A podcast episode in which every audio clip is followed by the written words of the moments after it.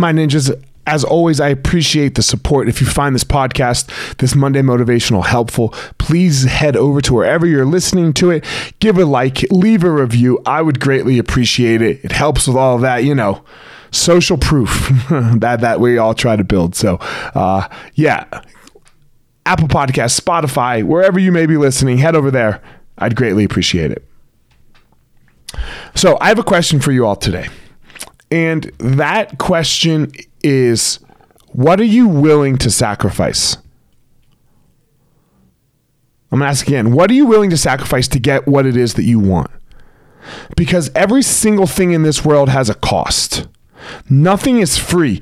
Uh, if it's free, it's no good. You don't want it. There's no way you want it if somebody's like, here, give it to here, and they, they just give it to you. Because there's no value in that. Everything has a cost. So, what are you willing to sacrifice?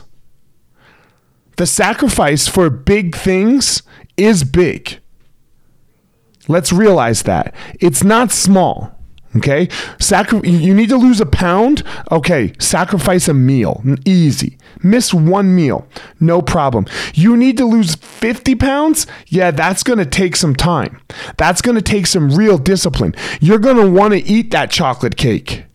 You want to start a business? Man, you want to be you want to live this entrepreneurial life? It's it, it costs a lot. It cost it's a lot of grind. It, it's a lot of no return. It's a lot of wondering, man, what the hell am I doing? Is this even worth it? Time, money, effort, stress. You want to even take a more difficult step? And get yourself out of the gutter of life that you might be in, you have to sacrifice everything. You have to surround yourself with totally new people. You have to change the way you think. You have to change the way you act. You have to change what you eat. You have to change how you get up in the morning. You have to change everything. It's a big sacrifice. Good for you.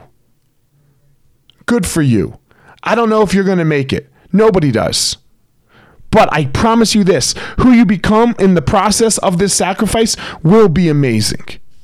It will be something that your children and your grandchildren, your great grandchildren will still talk about because you made a difference in their lives. Discover your passion, find your power, and go give your purpose. Let's try that again. Discover your passion, find your power, and go give your purpose to the world, my ninjas.